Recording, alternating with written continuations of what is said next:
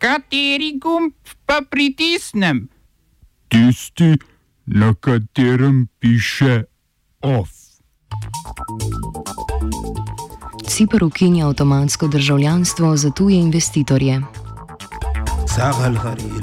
Potrjen nov kirgistanski predsednik vlade.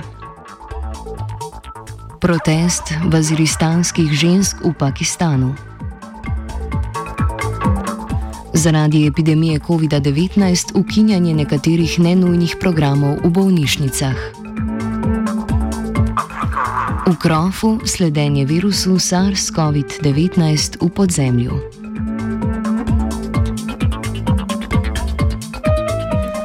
Ameriško vrhovno sodišče je zaustavilo izvajanje nacionalnega cenzusa.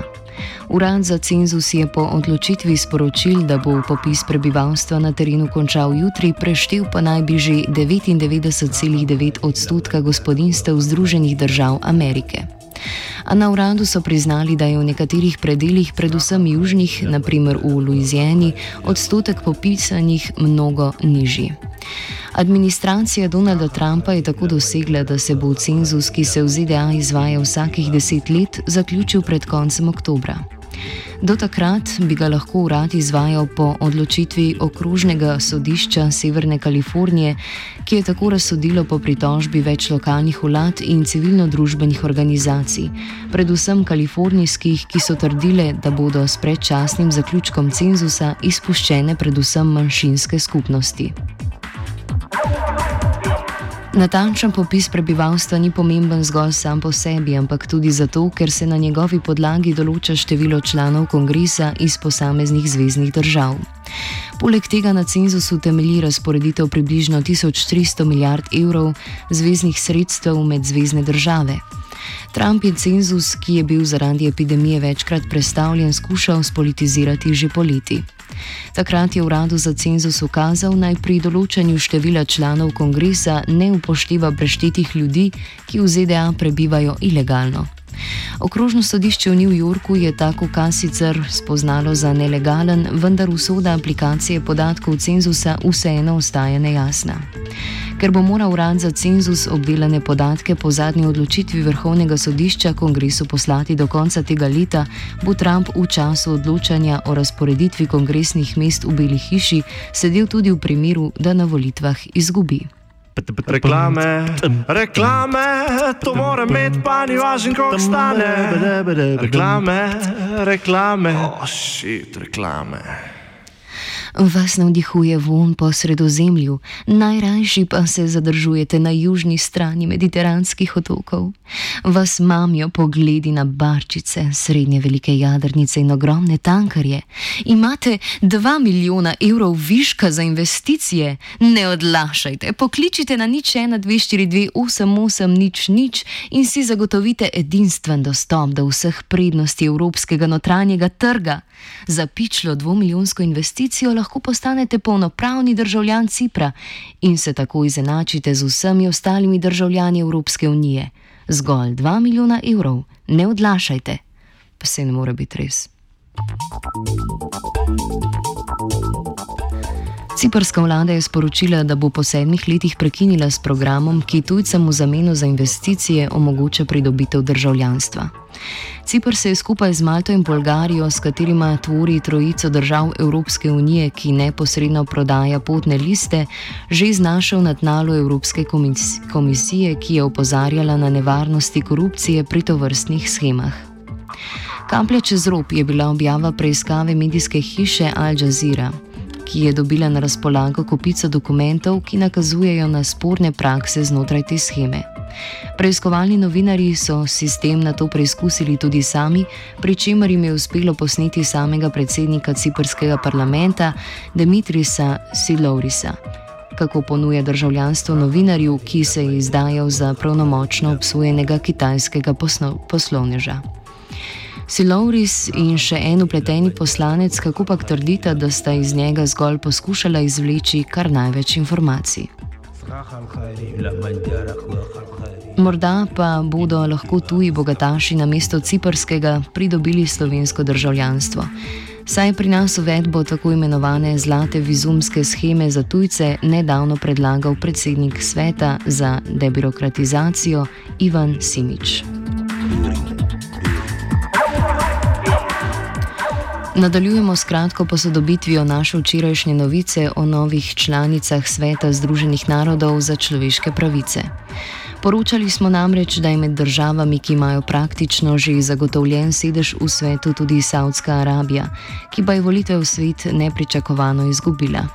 Še leta 2016, ko je uspešno kandidirala za mesto v svetu, je uspela zagotoviti več kot 160 glasov od potrebnih 95, na včerajšnjem glasovanju pa le 92. Izpad, izpad kraljevine so pozdravile številne organizacije za varstvo človekovih pravic, ki so nasprotovali imenovanju države v svet. Razlog za diplomatski polom sicer ni javno znan, a verjetno je zanj kriva kombinacija omenjenih pritiskov in nedavnega zbližanja kraljevine z Izraelom, ki v mednarodni skupnosti ni prinesla veliko novih prijateljev.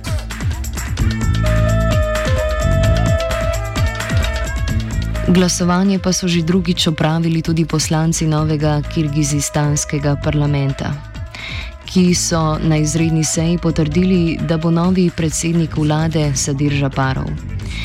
Isti sklep so poslanci sicer sprejeli že pred dnevi, a ga je predsednik države in Žaparov politični nasprotnik Surombaj Žembekov razveljavil zaradi domnevne nesklepčnosti, saj so nekateri poslanci glasovali nadaljavo. Na novi seji je prisostovalo 80 do 120 od 120 poslancev, kar je bilo dovolj za potrditev novega predsednika vlade. Žaparova so iz državnega zapora, kjer je bil zaradi ugrabitve državnega uradnika leta 2013, prejšnji teden med protesti osvobodili njegovi privrženci. Njegovo kandidaturo mora sicer ponovno potrditi predsednik Žembekov, ki je bil v preteklosti ki je v preteklosti kandidaturo Žaparova zavračal. Kljub temu bi Žaparov lahko dobil njegovo podporo, saj bi imenovanje novega predsednika parlamenta Kanadbeka Isajeva, ki je prihajal iz Žembekove naklonjene politične struje, lahko nakazovalo na politični kompromis med rivalskima političnima skupinama. Izajeva so konec tedna podprli vsi poslanci, predsednik Žembekov pa je napovedal, da bo odstopil takoj, ko država dobi novega legitimnega mandatarja.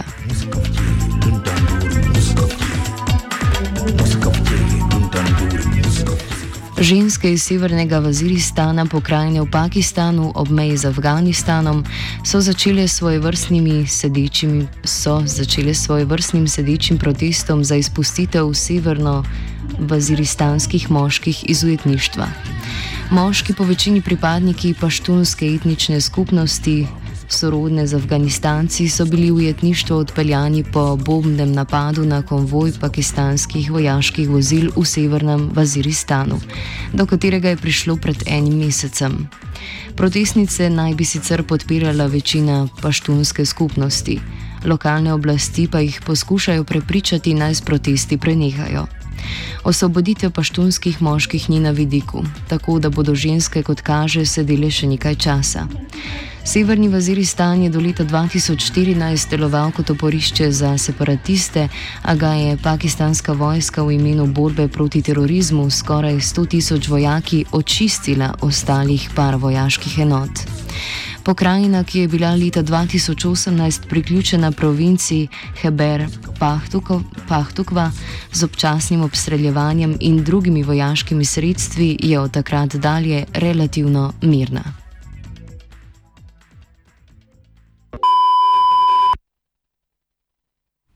Prejšnji teden smo v Sloveniji prišli do točke, na kateri epidemiološka služba ne more več slediti vsem okužbam, kar lahko vodi v spregled večjih lokalnih grozdov okužb. Ta območja okužb bi lahko iskali z analizo odpadnih voda, tako da bi jih periodično testirali na prisotnost virusa SARS-CoV-2, saj je ta prisoten tudi v iztrebkih. Na Nacionalnem inštitutu za biologijo že analizirajo odpadne vode na prisotnost novega koronavirusa. RNK novega koronavirusa so že zaznali v odpadnih vodah. Od 19. marca do 1. junija 2020 je raziskovalna skupina v Connecticutu v ZDA iskala prisotnost virusne RNK v odpadnih vodah in primerjala svoje sledke s, s hitrostjo odkritja primerov bolezni v tistem kraju. Virusno RNA je raziskovalna skupina enkrat dnevno iskala v sedlini odpadnih voda, saj ima virus do sedline večjo afiniteto. Prisotnost virusne RNA so v odpadnih vodah odkrili nekaj dni kasneje, hitreje se upravičujem, kot je testiranje pokazalo bolezen. Vendar pa jim vzorčanje usedline enkrat tedensko verjetno ne bi dalo dovolj dobrega upogleda v širjenje virusa. Nadzor odpadnih voda ima tudi to prednost, da nima nekaterih pomankljivosti, ki so značilne za druge epidemiološke kazalce. Z njim je bolezen mogoče odkriti tam, kjer se ljudje sicer ne bi šli testirati zaradi nedostopnosti zdravstvenega sistema, nedostopnosti testov za COVID-19 ali pa zaradi strahu pred izgubo službe. Pomaga tudi v primerih zamude pri testiranju oziroma pridobivanju rezultatov, saj lahko zazna prisotnost okužbe na določenem območju, razširjenosti virusa v skupnosti pa s tako analizo ni mogoče ugotoviti. Dnevno vzorčenje odpadnih voda ima lahko enak učinek kot na ključno vzorčenje ljudi v neki populaciji, vendar je cenejše in manj invazivno. Še vedno pa je o tem odprtih veliko vprašanj in sicer ali je mogoče trenutno analizo prilagoditi uporabi pri nadzoru širjenja virusa, katere so najprimernejše metode za odkrivanje virusne RNK v odpadnih vodah in kako zanesljive so. Oba, če, če bom odgovoril na angliški. Slovenija bo poskušala pomagati. Slovenija bo naredila svoj utmost, da bo rekla, da je situacija naš problem, naš in da bomo naredili nadaljnje korake, as soon as the conditions are. Bomo vlado Marjana Cererera Cerer, Šarca podprli. Very, very serious. News from Slovenia. We know how and we will. Potem, ko je bil potrjen največji dnevni prirast okužb z novim koronavirusom do zdaj, je Ministrstvo za zdravje izdalo odredbo, s katero ukinja nekatere nenujne zdravstvene storitve v bolnišnicah. Del presoje o tem, katere nenujne storitve bodo obdržali, ostaje za zdaj na izvajalcih. V bolnišnicah pa bo opuščanje in predstavljanje dejavnosti odvisno od zasedenosti postelj zaradi zdravljenja bolnikov s COVID-19. Prekinjajo se tudi nekateri preventivni pregledi z določenimi izjemami, ki se nanašajo na otroke in mladostnike ter področje zgodnjega odkrivanja raka. Do nadaljnih ukrepov se bo vlada opredelila na popovdanski seji. Zaskrbljujoči epidemiološki sliki na vkljub je slovenska škofovska konferenca svojim ovčicam, ovčicam pred Bogom naznanila, da bodo duhovniki še dalje darovali svete maše skladno z veljavnimi navodili slovenskih škofov z 21. julija 2020. Škofovska konferenca je namreč prošnjo, da bi v katoliških cerkvah lahko še naprej potekale maše z do 500 udeleženci, na Nacionalni inštitut za javno zdravje naslovila prejšnji četrtek, ker pa odgovora še ni dobila, si je to interpretirala po svoje. Kuitacet, konzentire, videtur. Kdor molči, kaže, da pritrjuje.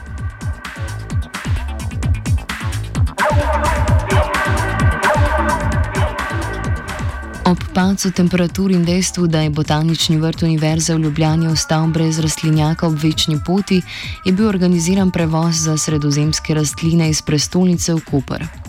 Tamkajšnja vrtnarija, s katero upravlja javno komunalno podjetje Maretica, bo tako v zimskih mesecih nudila zatočišče za občutljivejše vrste. Račun za selitev in bivanje pa bo plačala biotehniška fakulteta. Šlo naj bi za enkraten ukrep, saj v botaničnem vrtu upajo, da bodo do prihodnje zime dobili nov rastlinjak, potem ko so morali zadnjega porušiti zaradi gradnje nove poslovne stavbe Nacionalnega inštituta za biologijo. OF